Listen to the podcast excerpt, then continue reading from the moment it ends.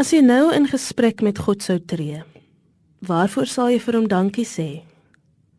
As Jesus se disippels nie soos hy 'n gewoonte van dankbaarheid aanleer nie, as ons vir God in die algemene alledaagsheid van die lewe nie kan voel en sien nie, gaan God 'n ongereelde en onbekende gas vir ons wees.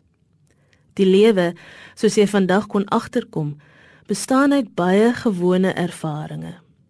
Nou en dan gebeur daar iets buitengewoon, maar die gewone dinge word nie dikwels onderbreek nie.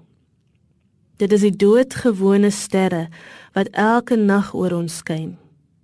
Kyk net na die alledaagse doodgewone goed so slaap, brood en botter, werk, vriendskap, 'n paar blommetjies langs die pad. Kinders wat lag, mense wat sing, 'n helder dag, 'n koel nag. Tensy ek God in al hierdie gewone goed raak sien, stap ek maar langs 'n baie vervelige, onmerkwaardige lewenspad. Aan die ander kant het die persoon wat vir God in 'n broodjie ontdek en God daarvoor loof, 'n wonderlike wêreld. Want die goddelike sal oral met so 'n persoon wees.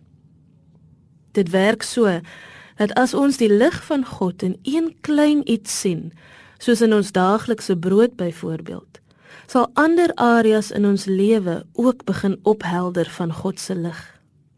Dit sal meer en meer ander areas van die lewe aansteek totdat die lewe vir ons 'n stad van ligte sal word wat in die nag verhelder word deur gemeenskaplike lampe in gemeenskapsstrate, 'n lig wat nie uitgedoof word nie. So kom ons begin by elke happie wat ons eet. Laat ons danksegging met respek en stilte, verwondering gevul wees.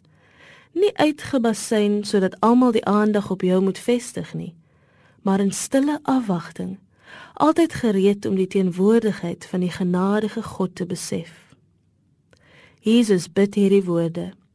Ek dank U, Vader, Here van die hemel en aarde dat u hierdie dinge van die wyses verberg het en dit aan sy gelinge openbaar het. Dit beteken dat toegang tot die koninkryk van God nie deur middel van intelligensie verkry word nie. Babas het reeds die geestelike geheime van die hemele. Almal van ons kan nie vol kennis wees nie, maar almal kan leerbaar wees. Almal kan nie oulik wees nie, maar almal kan nederig wees. Almal kan nie geleerd wees nie, maar almal kan gelowig wees. Dit is ons algemene eienskappe van nederigheid, gelowigheid, liefde waarop God fokus. Ontdekking van die algemene faktore maak lofprysing moontlik. Dit sal goed wees as ons almal hierdie lofprysing kan oefen. Deur ons gedagtes toe te laat om nie verskille in mense eerste raak te sien nie, maar om die ooreenkomste meer en meer te vier.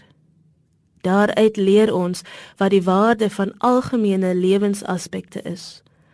Dit wat die rykste en armste, swart en wit, sterk en swak, klein en groot met mekaar in gemeen het, is die mees kosbare aspekte van die lewe. Om te eet, te lag, pragte aanskou, saam te mag huil, blomme te ryk, Die lys is eindeloos. Kom ons begin net om werklik hiervoor dankbaar te wees.